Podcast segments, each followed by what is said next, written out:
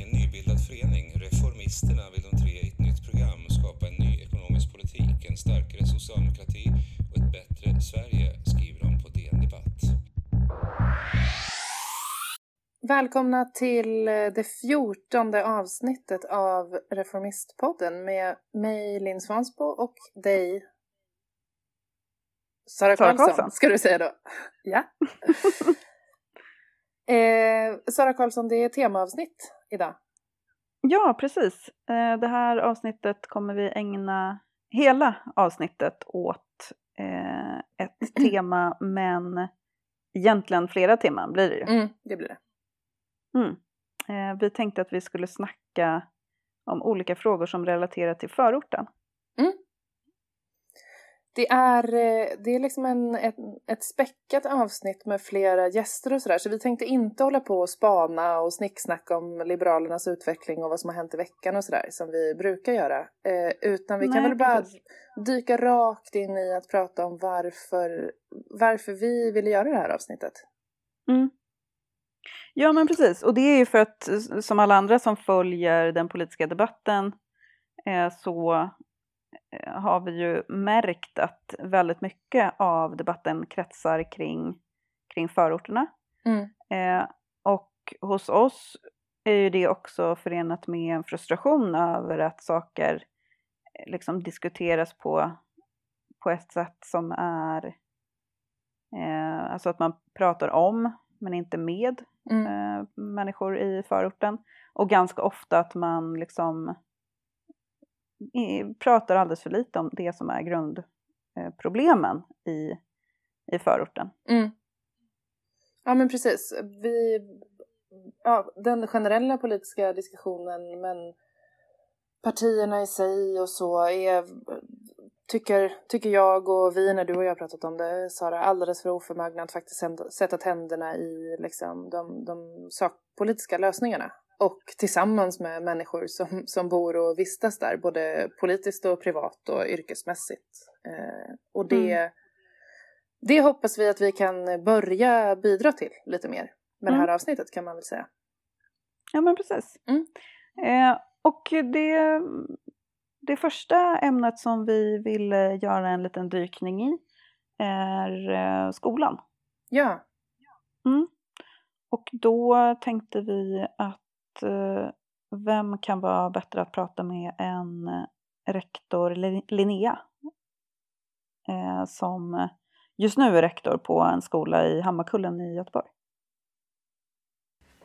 Vi tänkte ju förstås att Reformistpodden kan ju inte göra ett avsnitt som handlar om förort och förortsorganisering utan att prata skolsegregation och skola. Och det eh, gör man ju förstås med Linnea som jag mest känner till som rektor Linnea som du ju också heter på både Twitter och i din mailadress här nu ser jag. Välkommen till Reformistpodden. Tack så mycket, kul att få vara med.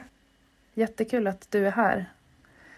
Eh, Du, har, eh, du är en sån eh, aktiv rektor på Twitter som sagt där vi ju följer dig både jag och, och Sara och är aktiv i debatten kring skolan och skolsegregationen på många olika sätt och har bland annat skrivit en bok som heter En tickande bomb om skolsegregationen. Kan du inte berätta lite om den och dig och hur det kom sig att du skrev den?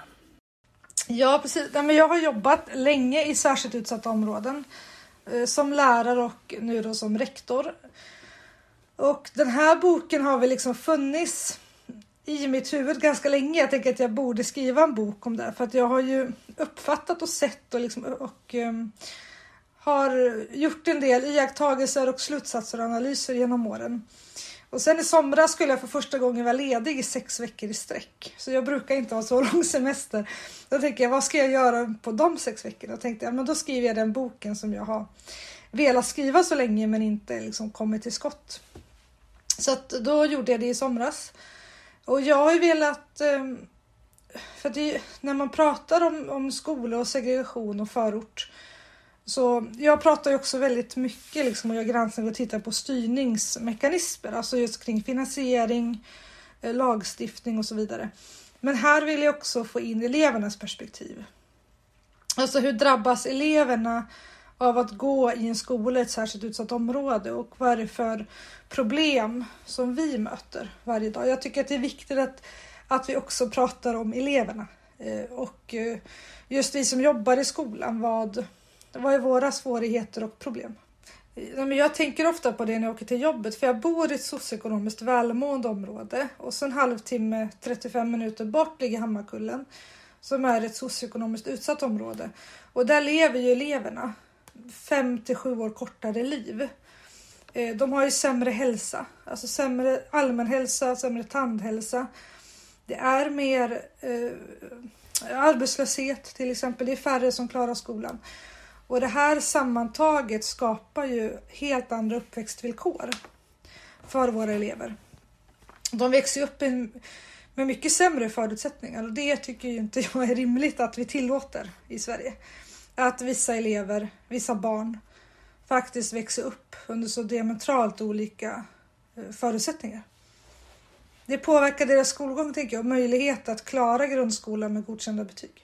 Ja, och jag tänker att alltså, vi, vi vet ju egentligen att det ser ut så här och ändå så eh, på något sätt glömmer man bort det. Jag tänker att nu när du säger det att, så här, att man lever fem till sju år kortare så vill man ju egentligen bara skrika rakt ut. Varför, eh, varför, varför är det liksom inte, varför tar det inte mera plats i debatten? Alltså varför är vi inte arga över det här? Tror du?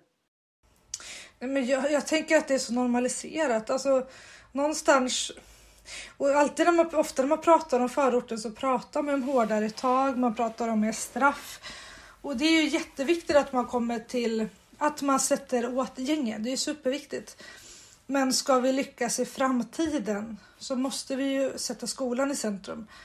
För att fullständiga betyg årskurs 9 är den viktigaste skyddsfaktorn för barnen som växer upp i de här områdena. När man tittar i statistiken så kan man se att på 16 år så har skillnaderna i meritvärde fördubblats mellan de elever som har föräldrar med eftergymnasial utbildning och de som inte har det.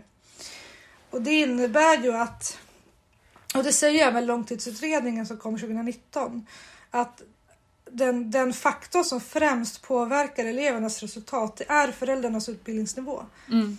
De som har eftergymnasial utbildning klarar skolan bättre.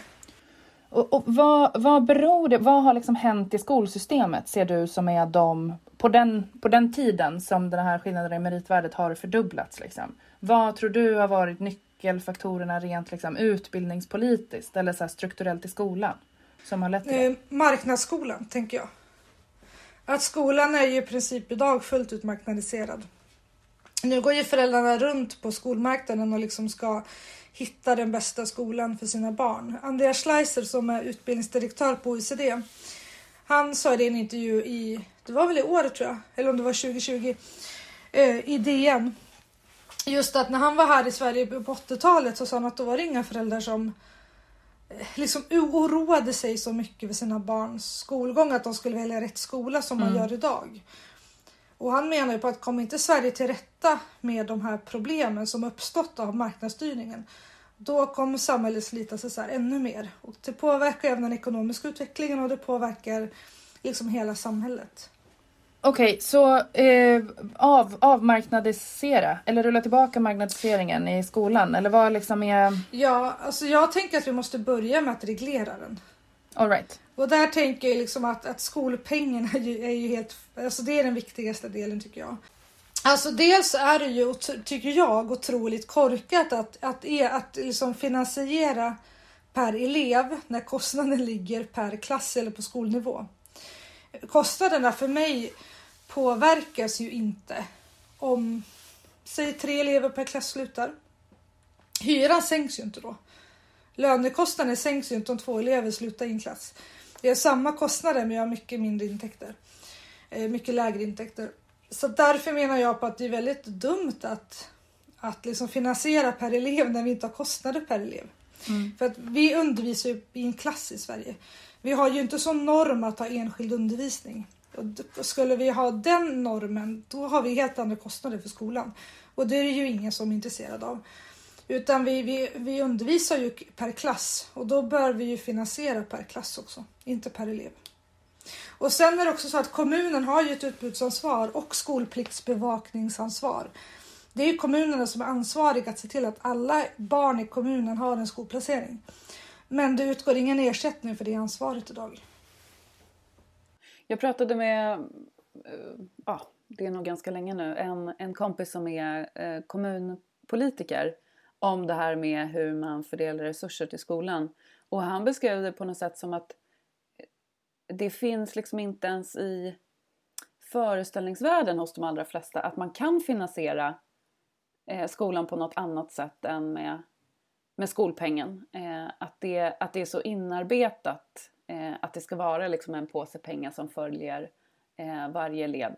Trots att det är precis så som du säger att eh, alltså förlorar man två elever så är ju inte det liksom, kostnaden står ju kvar, huset står kvar. Eh, man kan inte sparka liksom, eh, en tjugondels lärare eh, och sådär.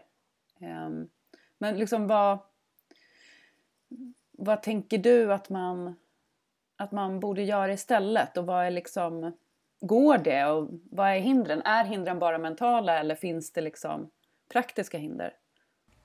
Nej, alltså i skollagen står det ju att enskilda huvudmän, alltså friskolor, de ska ersättas per elev utifrån kommunens genomsnittskostnad per elev.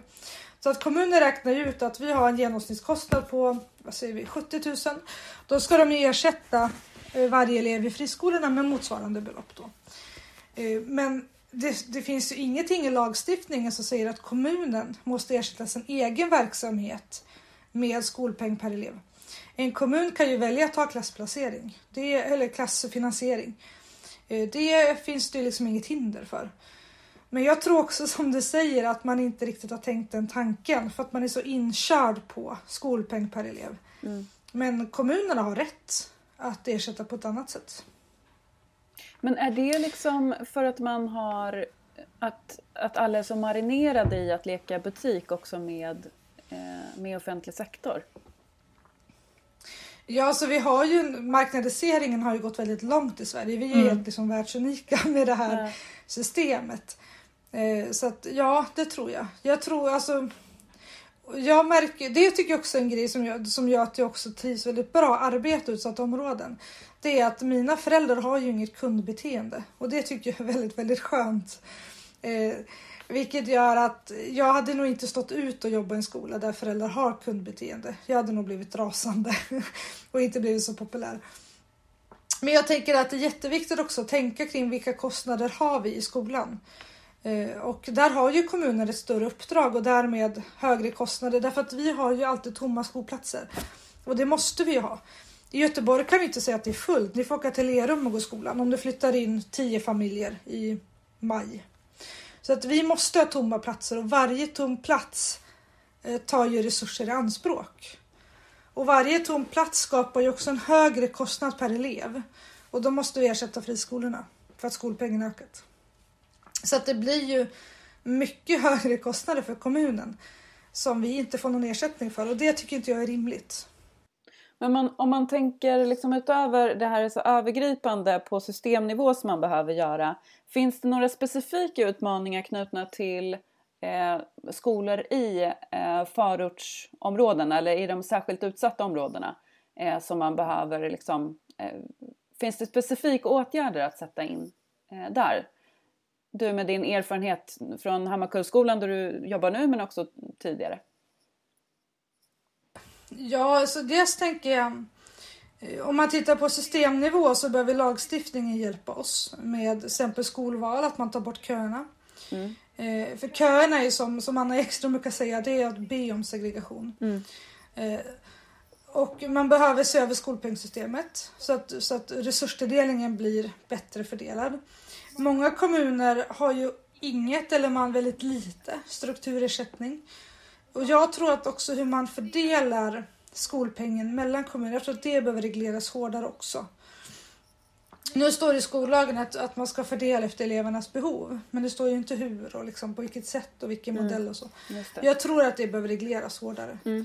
Jag tror att det hade varit klokt. Men sen om man tittar på verksamhetsnivå så handlar det om att eh, samverka eh, mellan polis, socialtjänst, skola, fältare. Mm. Att tidigt fånga upp de elever som det finns oro kring. Mm. Eh, ha speciallärare, se till att alla elever lär sig läsa och skriva tidigt. Men hur, liksom, finns det något, för jag tänker så här, i, i skolorna i, i förortsområden så finns det vissa saker som är, är liksom tydliga gemensamma nämnare, alltså eh, gällande familjerna man, man kommer ifrån. Eh, alltså att det ofta är föräldrar som, som inte har eh, liksom, eh, akademisk bakgrund. Eh, många föräldrar med rötter i, i andra länder och en relativt svag position på, på svensk arbetsmarknad. Eh, alltså det finns ju den typen av gemensamma eh, nämnare. Finns det liksom någonting i hur man behöver jobba med, eh, med föräldrarna också? Eh, alltså som du har liksom erfarenhet av eh, just på, på skolor i särskilt utsatta områden. Alltså vi har alltid haft jättebra samarbete med föräldrarna. Mm. Sen är det så att vissa får man ju jobba mer med för att få med dem på tåget så att säga. Och det handlar ju ofta att man kanske inte har kunskap om vårt skolsystem. Och varför det? För har du själv inte utbildning så kanske du inte heller riktigt har det drivet att dina barn ska utbilda sig. Och det är därför man också pratar mycket om att föräldrarnas utbildningsnivå är väldigt, väldigt viktig för elevernas skolframgång. För det handlar inte bara om att själv ha en eftergymnasial utbildning. Det handlar ju också om liksom, attityden till skolan, kunskap om skolan och så vidare. Så att vi har ju haft mycket så här föräldragrupper, vi har, haft, vi har alltid, alltid haft föräldrastöd när det behövs. Och det kan ju handla om liksom allt från... Mycket har vi pratat kring det här med gränssättning. Eh, hur kan man som förälder göra liksom om det är bråk varenda morgon när man ska till skolan eller på kvällen eller vad det kan vara. Vi jobbar, har jobbat en del kring det och det har ju hjälpt barnen i skolan också. Om det är bättre hemma så blir det bättre i skolan för eleverna. Och Som att vi, det är också viktigt för eleverna att det blir tydligt hur de förväntas uppföra sig. Och då är det viktigt att man har en samsyn mellan skola och hem. Så där har vi försökt. Alltså det, det här lyckas med olika bra med olika familjer såklart. Men generellt sett har vi ett fantastiskt bra samarbete med föräldrarna. Och jag tror att det är väldigt, väldigt viktigt. Det är viktigt att barnen också ser att skolan och föräldrarna samarbetar och säger samma sak. Okej, eh, Linnea, jag har, jag har tänkt så många tankar när du har pratat och blivit stundtals arg Eh, och upprörd. Men det eh, brukar ju vara bra när man ska försöka kanalisera det till politisk action som vi försöker göra eh, till vardags i, i Reformisterna. Så att när vi nu har dig på tråden, vad, om du fick liksom önska nu då, vad tycker du att vi ska kanalisera den här ilskan i för action? Kan du inte ge oss en eh, topp tre? Det allra viktigaste är en differentierad skolpeng utifrån Björn Åstrands förslag. Därför att det kommer stabilisera kommunens resurser. Det kommer frigöra mer resurser till de elever som har svårast att klara grundskolan. Eh, Det kommer också bli en broms i marknadsskolan. Mm. Eh, Koncernerna kommer inte expandera i samma takt tror jag om man sänker skolpengen med 8 procent.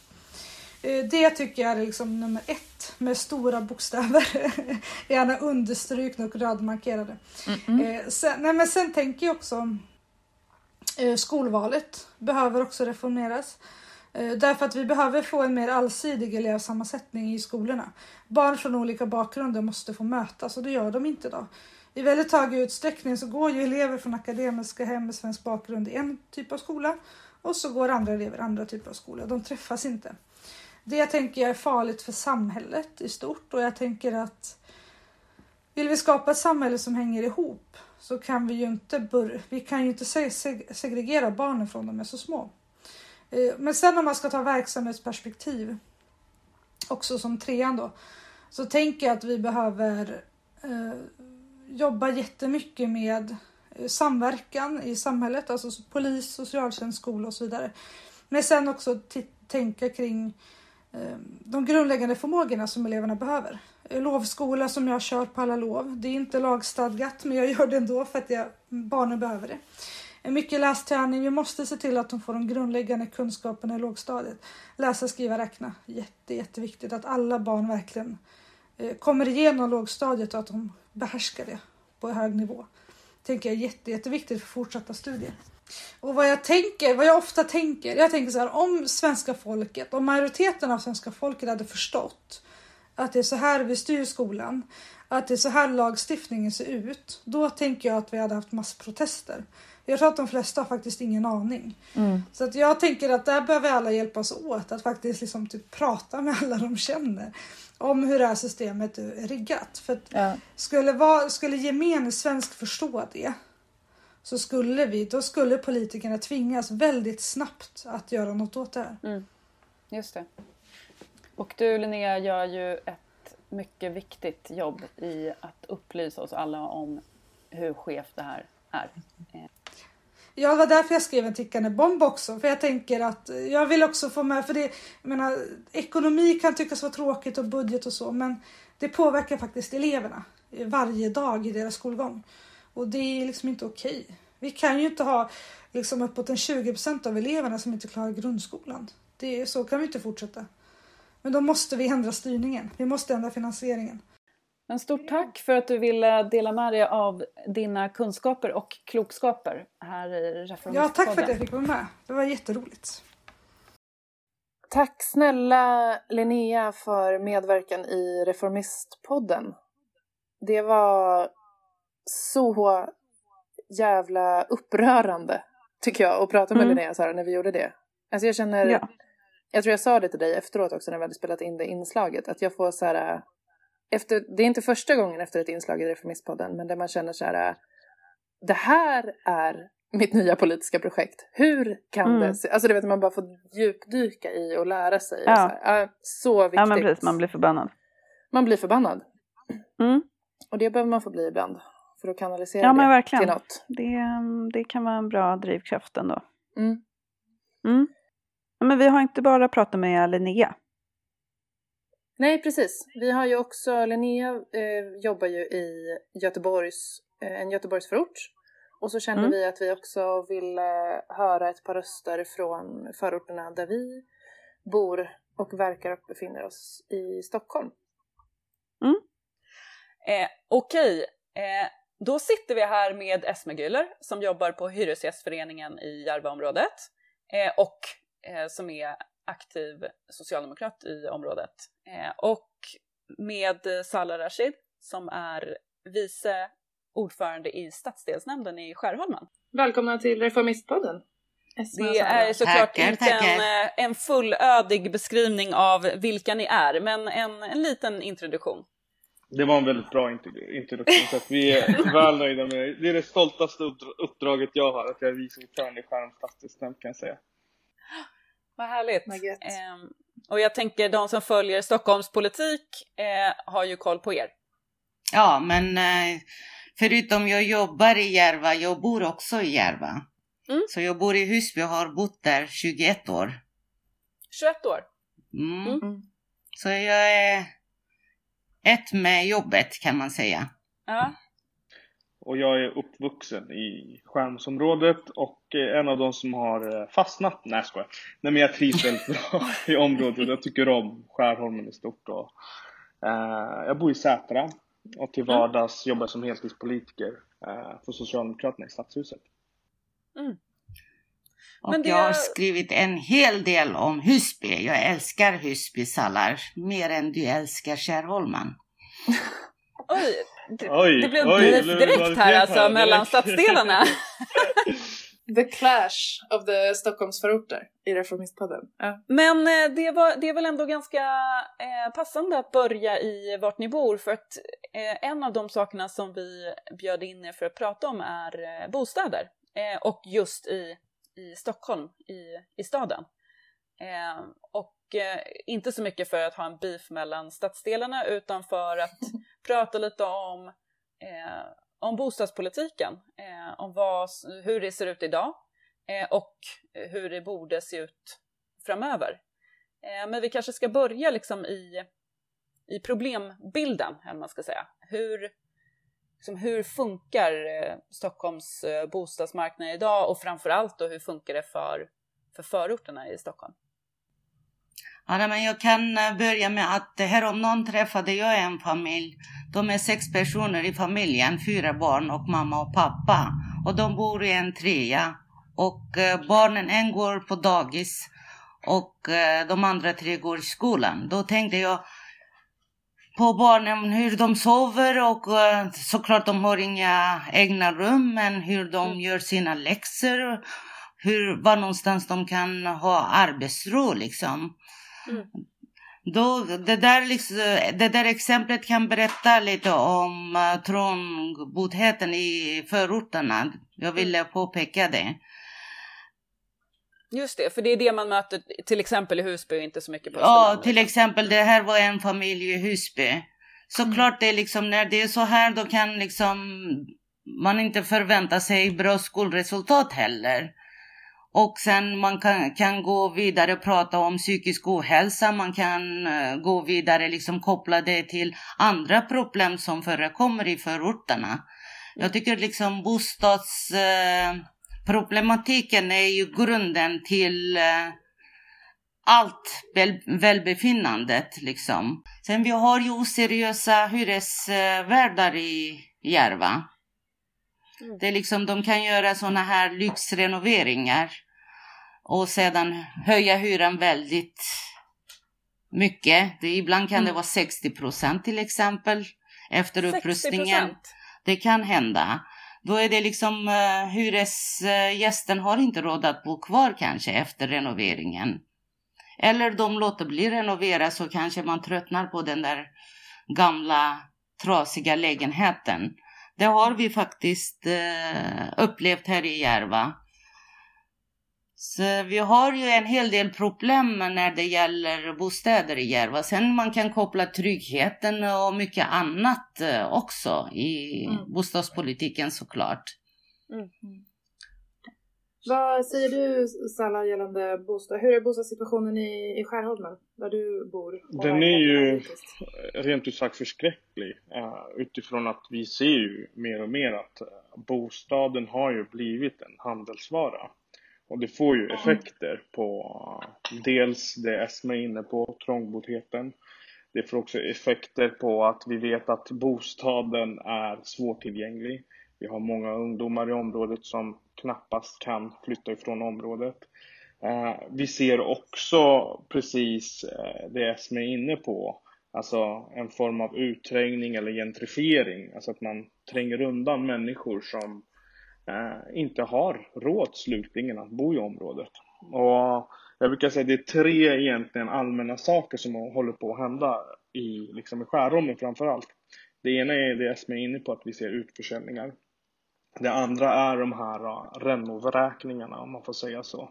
Det är att man ja, förädlar eller rustar upp liksom ett bostadsbestånd, oftast en privat hyresvärd, eh, för att ja, förädla liksom värdet av eh, bostadsbeståndet eh, som gör att människor är tvungna till slut att flytta.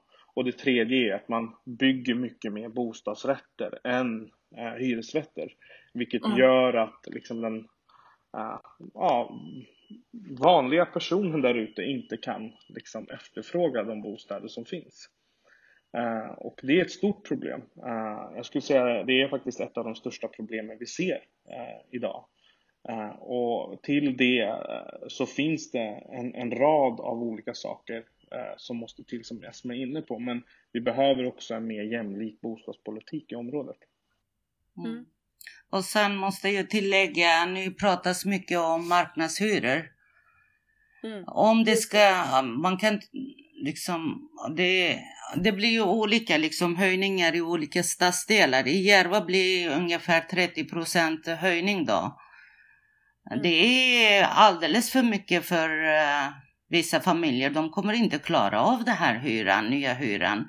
Det är ändå liksom, vi är låg eh, inkomsttagare i Järva. Mm.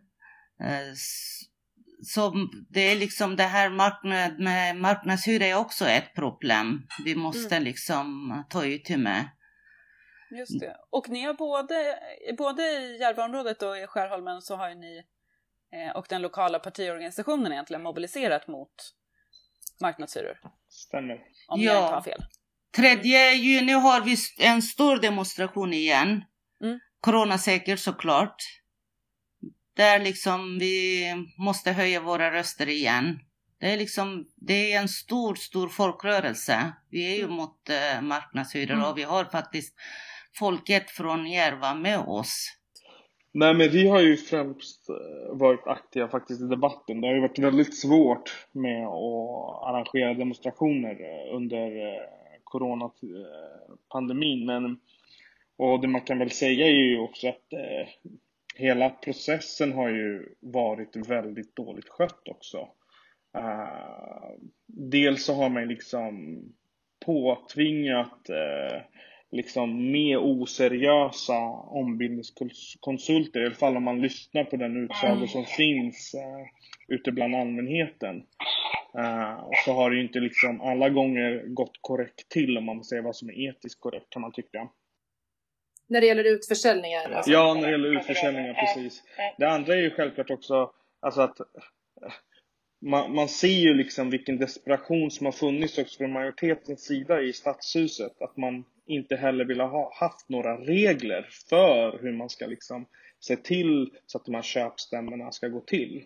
Och slutligen skulle jag väl säga också att eh, det, det, man ser i alla fall, det är att det skapar otroliga konflikter i området, alltså mellan grannar. Eh, som vi också har fått liksom bevittna.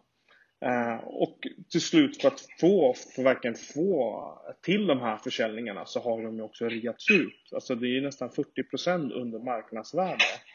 Eh, vilket gör att det finns, skapas liksom ett incitament av eh, en del som kanske har råd att köpa, att vilja göra allt för att kunna få köpa sin bostad.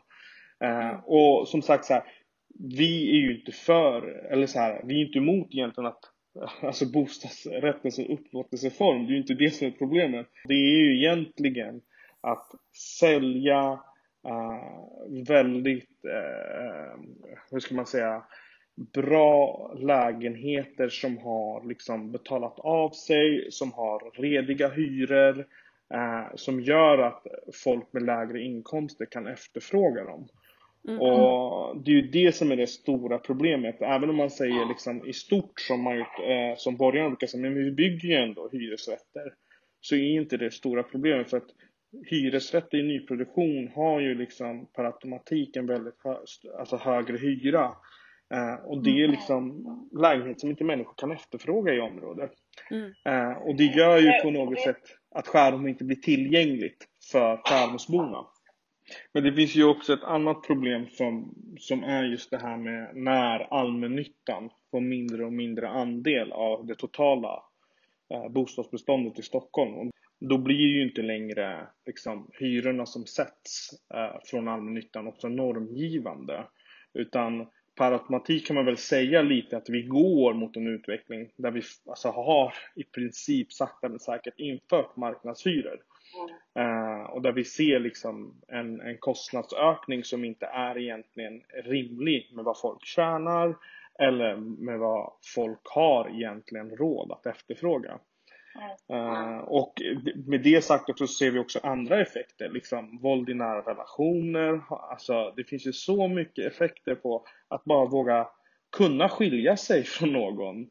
Och vi har ju sett liksom, man kan ju följa liksom hur eh, bostadsköerna har successivt liksom ökat. Eh, i, I Bredäng vet jag för, för, för ett par år sedan så var det åtta. Nu är vi liksom uppe nästan i tolv år eh, mm. i bostadskö för att kunna liksom eh, få en lägenhet i Bredäng. Mm. Men jag, jag tänker att vi behöver också liksom rota lite i verktygslådan. Eh, alltså förutom att eh, mobilisera mot eh, marknadshyror och utförsäljningar och sådär, eh, vad, vad behöver vi göra? Alltså om vi i Stockholm har eh, liksom ambitioner att eh, minska segregationen och öka eh, människors frihet eh, och liksom levnadsstandard eh, via bostadspolitiken. Vad, vad behöver göras? Då ska du bygga flera hyresrätter med rimliga hyror helt enkelt. Så mm. folk får röra sig fritt. Och mm. uh, ungdomarna får flytta hemifrån. Och uh, kvinnorna kan uh, frigöra sig från sina destruktiva förhållanden. Eller man får jobba där man hittar jobb. Mm. Utan att tänka på bostaden. Så det är, det är nyckeln till friheten faktiskt. Bygga flera hyresrätter med rimliga hyror. Mm. Kan jag tycka. hur- Alla har inte rika föräldrar som kan köpa bostadsrätter. Nej. Och hur gör man det då? Jag tänker du Salar som är politiker på kommunnivå också, så vad, varför har vi inte lyckats med det uppdraget tidigare och vad, vad, vad står emellan liksom oss och billiga hyresrätter i massor? Jag, jag tror det handlar om den politiska viljan. Jag tror att det handlar om att eh, ren eh, liksom, socialdemokratisk liksom, ingenjörskonst och eh, socialdemokratisk eh, liksom, stadsplanering och stadsbyggnadspolitik. Alltså att verkligen ta de verktygen vi har. Vi har ju ett, eh, liksom, kommunen har ju ett monopol, ett, ett plan och byggmonopol som går att använda på rätt sätt. Och då måste man verkligen ta initiativet själv och visa och peka med hela handen. Alltså, här är ett prioriterat område. Det var det vi gjorde med Fokus Skärholmen till exempel.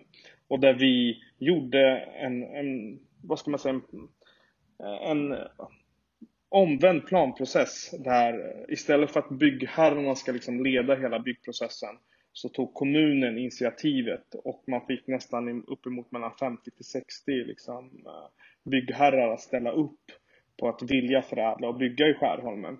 Och där man rent eh, ut sagt bestämde premisserna. Här ska det byggas 50 eh, hyreslägenheter, olika typer och här ska det byggas 50% olika eh, typer av ägarlägenheter.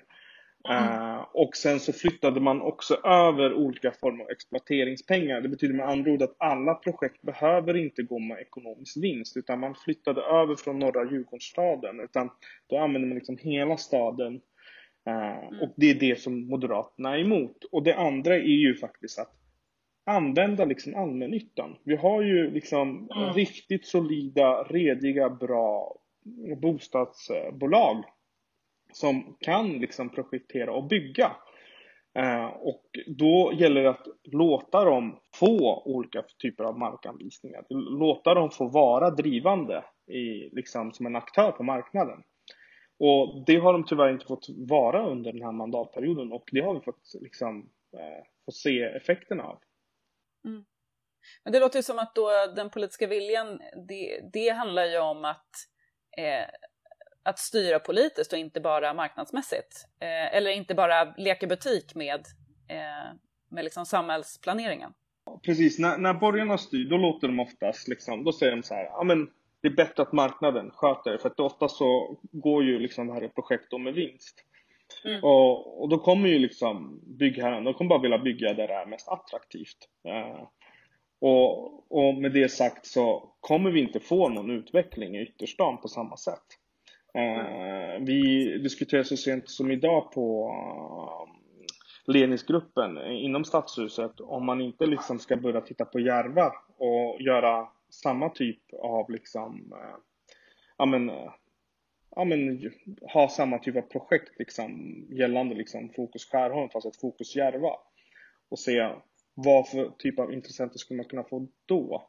Och mitt i allt det här är ju inte bara liksom att det gäller att bygga stad, alltså och ta in alla ty- typer av liksom eh, service och tjänster som behövs liksom i området. Alltså vi måste bygga förskolor, vi måste bygga skolor, vi måste se till att bygga in kultur, idrottsplatser. Allt det nödvändiga för att det ska vara en stad. Eh, och någonstans där så kan man väl säga att borgarna brister för att de tror att marknaden ska lösa allt. Och vi vet att marknaden inte kommer kunna lösa liksom, de typer av frågor.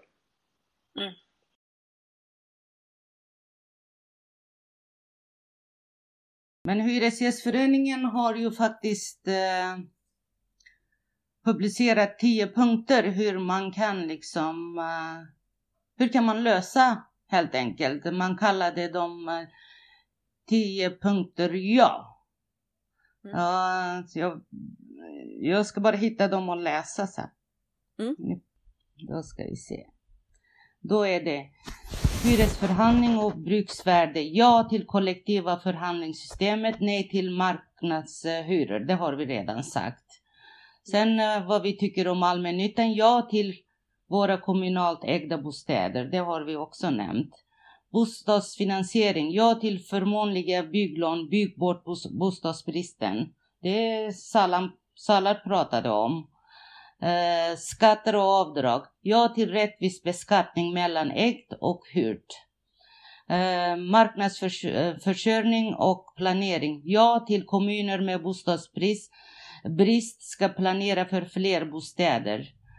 Och sen ekologisk hållbarhet och energi. Ja till statligt stöd till energieffektivisering och modernisering av bostadsbeståndet. Sen vi kommer till renoveringar. Renovering, ja till stärkt eh, ställning till hyresgäster vid omfattande renoveringsarbeten. Bostadsbidraget sen har vi också tyckt till. Ja till höjda ersättningsnivåerna i ökad rättssäkerhet. Och sen vi har tyckt till bostadsförmedlingens regelverk. Ja till förmedling efter behov såväl som efter kötid. Och sen sista, stat, statlig hyresgaranti. Ja till öppna upp hyresmarknaden för alla. Men hörni, vi ville ju också prata om feministisk organisering i Skärholmen och, och Järva med er. Och Stockholm och, och, Sverige i stort för den delen. Men vi är nyfikna på att, och höra hur ni tänker kring både ja, men hur, hur jämställdheten ser ut där ni bor eller vilka jämställdhetsproblem ni, ni ser och möter i era liv. Ehm, men kanske också hur, hur vi som rörelse eh, behöver bli bättre på att organisera progressiva feministiska krafter. Ehm, så vi kan väl börja i, i lådan, liksom, hur, hur, hur möter ni jämställdhetsproblem i era liv och era områden? Vill du börja Esma? Det är liksom, jag har suttit faktiskt S-kvinnors styrelse så jag har sett liksom innerstadsfeminismen och samtidigt jag bor i förorten så jag har liksom den verkligheten också. Det skiljer sig väl väldigt mycket måste jag säga. Mm. Uh, vi har ju liksom den vanliga feminismen att vi, inte, vi har inte lika löner och vi liksom, det är allt det som ingår i feminismen. Men här i förorterna, liksom, vi har ju klasskampen också. Liksom. Vi är arbetslösa, vi är trångbodda. Eh, då pratar jag om eh, kvinnor. Samtidigt, vi har ju alla andra problem som innerstadskvinnorna har. Så vi är ju liksom dubbelbelastade. Så liksom vi har... Förortskvinnorna måste ju göra också sin klassresa och hamna där innerstadskvinnorna är. Det är därför inkluderingen har inte varit riktigt framgångsrik kan jag säga. Förortskvinnan ofta har inte känt igen sig i feminismen som pågår i innerstan, om jag får säga så då. Eftersom det är liksom, de har ännu större problem. Då har de klassproblemet eh, och samtidigt de har feminismen, att vara kvinna och vara förtryckt. Så det, det skiljer sig lite måste jag säga. Då lösningen kan vara också lite annorlunda. Kanske man ska ju lyfta upp eh, unga kvinnor, tjejer, lite mer i feminismen faktiskt. Alltså förortsflickorna. Deras problem är inte bara att få gratis eh, mensskydd. Det är större än så, skulle jag tycka. Sen det höga arbetslösheten mellan utländska kvinnor. Det är också ett stort problem. Om man har inte ekonomisk eh, frihet då kan man inte vara fri annars heller på något sätt.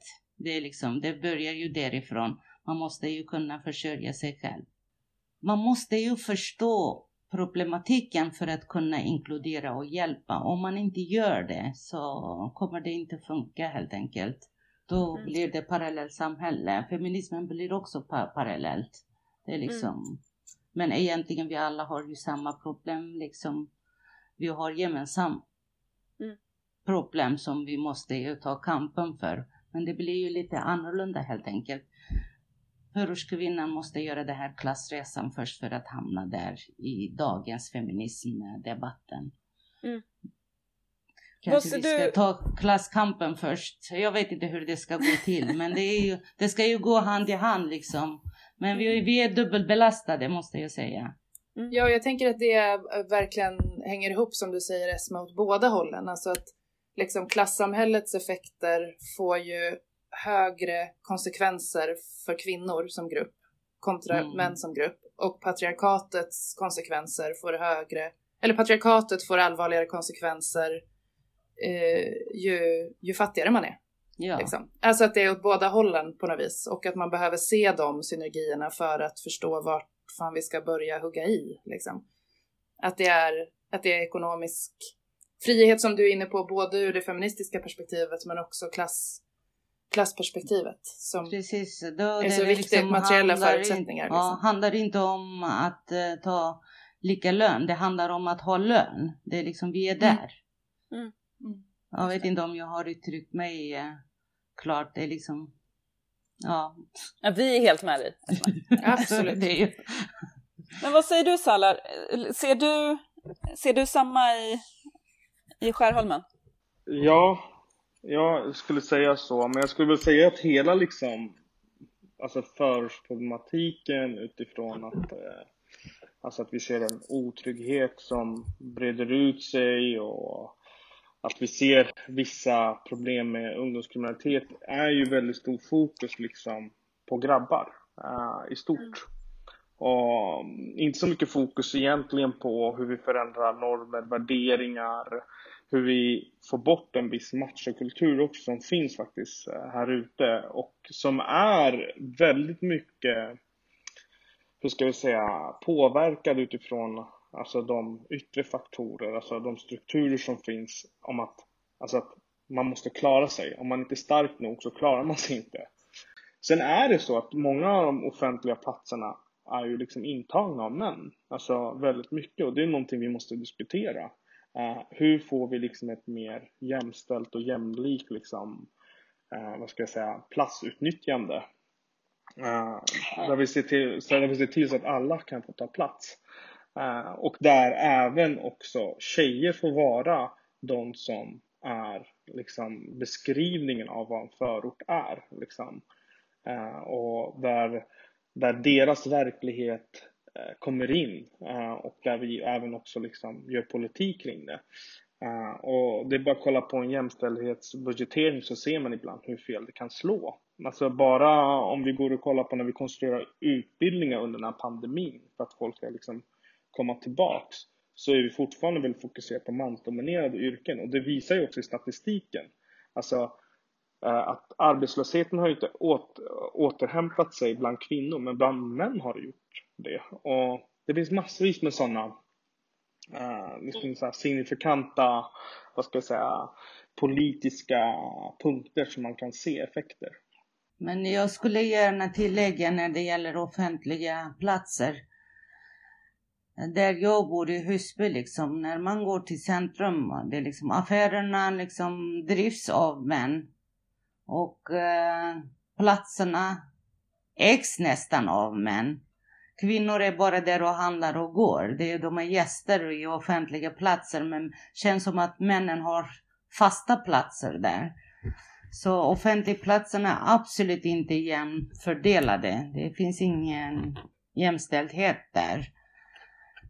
Uh, jag håller med Salam. Det är liksom förortskvinnorna, det är ju, de har ju det sämsta hälsan. Man måste ju liksom nämna det också. Och sämsta ekonomin och arbetslöshet. Och när vi har jobb då är det lågbetalda jobben vi gör. Då är det serviceyrken, eh, samhällsbärande jobb. Mm. Så när alla andra varit hemma och jobbade hemifrån, våra kvinnor var där i servicehusen och uh, i vårdcentraler. Det liksom, de var ju tvungna att jobba och åka buss och de har inte mm. tillgång till, vill kanske inte ens ha körkort. Men eh, när liksom Folkhälsomyndigheten säger att stanna här och ge hemma, jobba hemifrån. Det är liksom, man känner sig inte riktigt inkluderade då. Man har inte den möjligheten. Liksom, det är två olika världar, det går inte ens jämföra helt enkelt. Nej, men jag, skulle, jag håller med men jag skulle vilja säga på riktigt nu, alltså utan att överdriva. Jag tycker faktiskt kvinnorna i förorten är de riktiga samhällsbärarna i förorten. Det är de faktiskt. De är hjältar på alla sätt och vis, men mm de är ju ofta när de är synliga, då är de ofta förtryckta. Det är, liksom, det, är det median vill gärna visa. Och när... Eh, annars är de osynliga, men de är ju faktiskt hjältar. Många av de där unga kvinnorna, de gör de är väldigt framgångsrika faktiskt. Man får läsa om dem, men man är inte på något sätt nyfiken. Det är precis som Salar säger. Det är pojkar och unga killarna som tar plats och man alltid pratar om dem. Det är på mm. något sätt tjejerna osynliga. Men det är, de flesta av de där tjejerna faktiskt har klarat av skolan och har, varit, har blivit framgångsrika. In, ingen vill prata om det, men man vill gärna prata om misslyckade unga killar. Det är mer attraktivt på något sätt i media. Mm. Men om man tänker, alltså, för du, du, du sa något väldigt viktigt där att de, de, de enda kvinnor i förorten man pratar om är de förtryckta. Alla andra ja. blir osynliga. Ja, det är väldigt stor stigmatisering eh, liksom. Ja, precis. Och jag tänker att eh, det finns ju eh, samtidigt ett problem med eh, förtryck i hela samhället såklart, ja. men också ett förtryck som, som tar sig mera specifika uttryck, kanske framförallt i förorterna, alltså det som vi brukar prata om som hedersförtryck. Mm. Ja. Och hur liksom, för jag tänker att vi, vi alla här är överens om att det här är ett jättestort problem som vi behöver bekämpa på olika sätt. Absolut. Eh, men hur, hur, hur ska vi som rörelse lyckas att inte bidra till den stigmatiseringen och istället liksom eh, lyckas organisera de progressiva krafterna som vi ju vet finns och göra dem synliga. Ja, men du säger någonting jätte, jätteviktigt, eh, Sara. Det är just det som behövs utan att stigmatisera och kunna liksom skapa just den här rörelsen. Mm för att göra den här resan tillsammans. Det är där vi har inte lyckats. Antingen svartmålar man eller man lyfter upp och gör dem hjältar. Det, är liksom, det finns inte någonting mittemellan, men det finns ju någonting mittemellan. Där behövs, någonting behövs göras för att det ska hända saker. Personligen har jag faktiskt eh, försökt bidra till det arbetet. Varje år till exempel istället att kvinnor skulle fira internationella kvinnodagen i sina föreningar. Jag samlade ju dem. Jag sa vi firar tillsammans. Vi firar helst i centrum. I Tensta centrum eller Husby centrum eller Rinkeby. Vi delar ut rosor, vi skriker, vi eh, dansar, vi sjunger liksom. Vi gör oss synliga på något sätt. Det har jag gjort faktiskt tre år i rad. Men nu har det varit corona så i år, ja ah, vi gjorde det i år också förresten. Istället för att samlas vi gick, promenerade eller skulle springa. Vi, skulle, vi kallade det Järva kvinnor i rörelse, bara vi kvinnor gör någonting tillsammans. Mm. Men det är liksom att bara vara tillsammans är ju en kraft. Mm. Det är ofta liksom, när man pratar om Järva, vi är ju från hundra olika nationaliteter, vi är från hundra olika, minst alltså hundra kulturer. Men ibland de stoppar de oss i en box. De tror att vi alla fungerar eh, likadant. Mm. Men så är det inte fallet, det vet Salar också. Vi är ju olika. Olika nationaliteter, olika kulturer, olika sed och liksom... Uh, men uh, det är inte omöjligt tillsammans, bara liksom vi samlas så det finns krafter, jag vet inte, jag har inte rakt svar på din fråga, men det är jätteviktigt utan att stigmatisera kunna väcka frågan och skapa rörelsen. Men då behöver vi kanske krafter som du Sara, Lin och Salar, liksom från andra stadsdelar och från innerstan, från partiet eller från andra föreningar och organisationer. Så hjälp oss gärna, vi tar emot. Men då ska vi vara män. Det är liksom, ni ska inte göra saker åt oss. Vi måste ju vara en del av det. Mm. Det har problemet alltid varit att man har pratat om förortskvinnan. Men ingen har pratat med dem eller liksom inkluderat dem. Men alltid man pratar om dem, hur man, hur man ska lösa deras problem. Ni, ni ska inte vara problemlösare, men ni ska vara med en del av lösningen tillsammans med förortskvinnorna om ni vill hjälpa.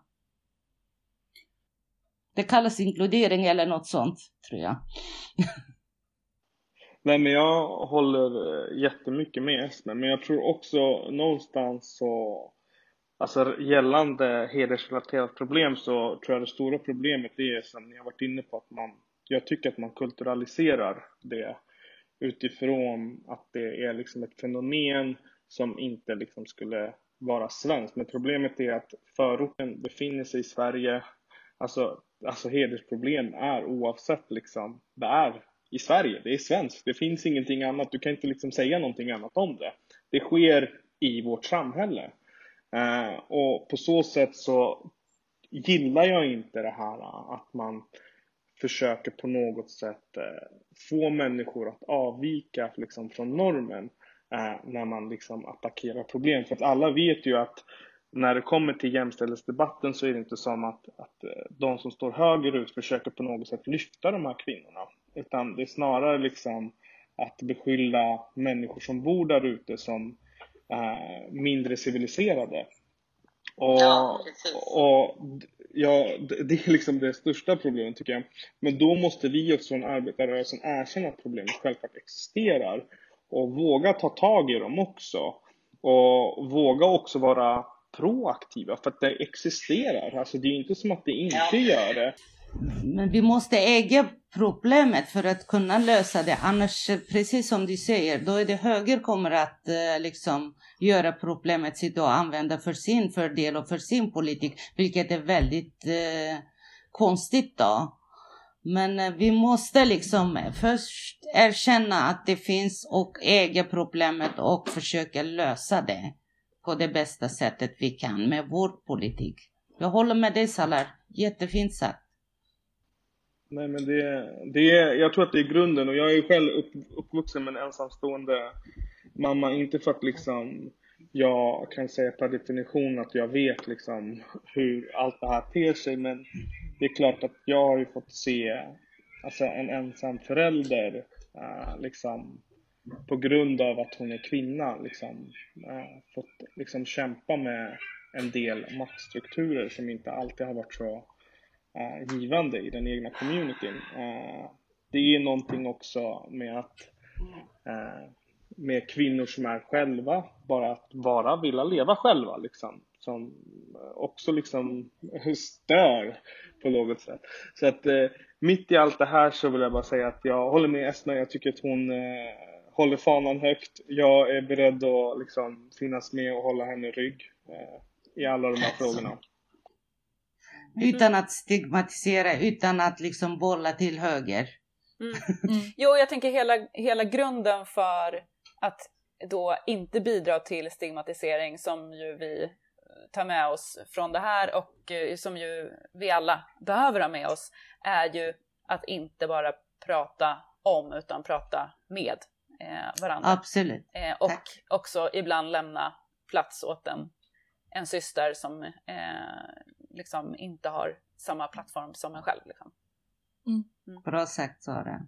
Men hörni, stort, stort tack för att ni ville dela med er av era mm. perspektiv. Och det här, vi fattar ju det att det här är liksom bara att skrapa lite på ytan av eh, både liksom vad som kan vara så här, utmaningar eller problem i, i de områden som vi har pratat om eh, nu, men också eh, vad som är lösningarna framåt. Så det här samtalet behöver ju liksom fortsätta på olika sätt.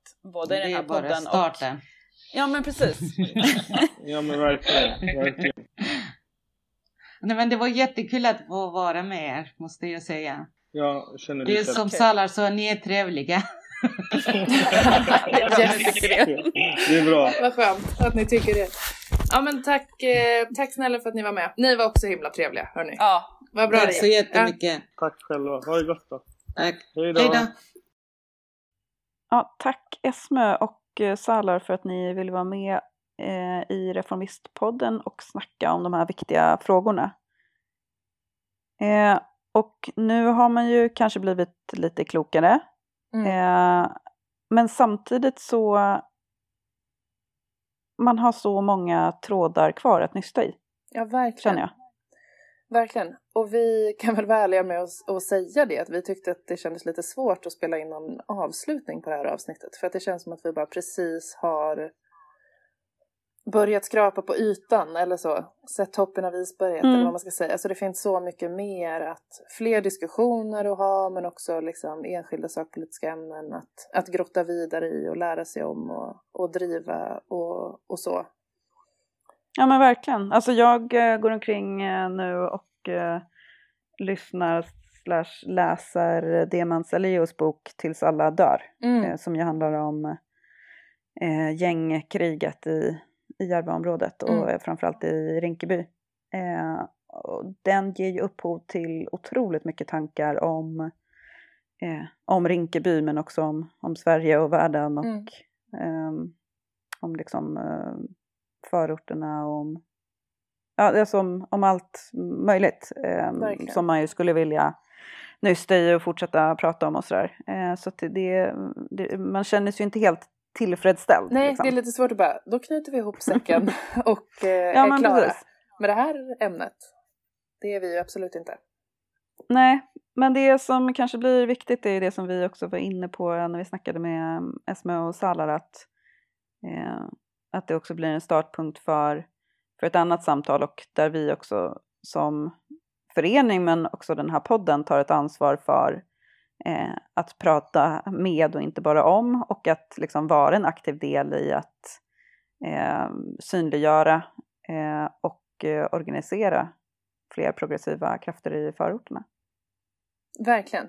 Och både, både ta oss an det politiskt men också liksom organisatoriskt och, och rörelsemässigt som, ja, som du säger nu Sara, men också som vi pratade med Esme och, och Sallar mycket om att det är Mm. vi måste förmå eh, göra både och. Mm. Verkligen.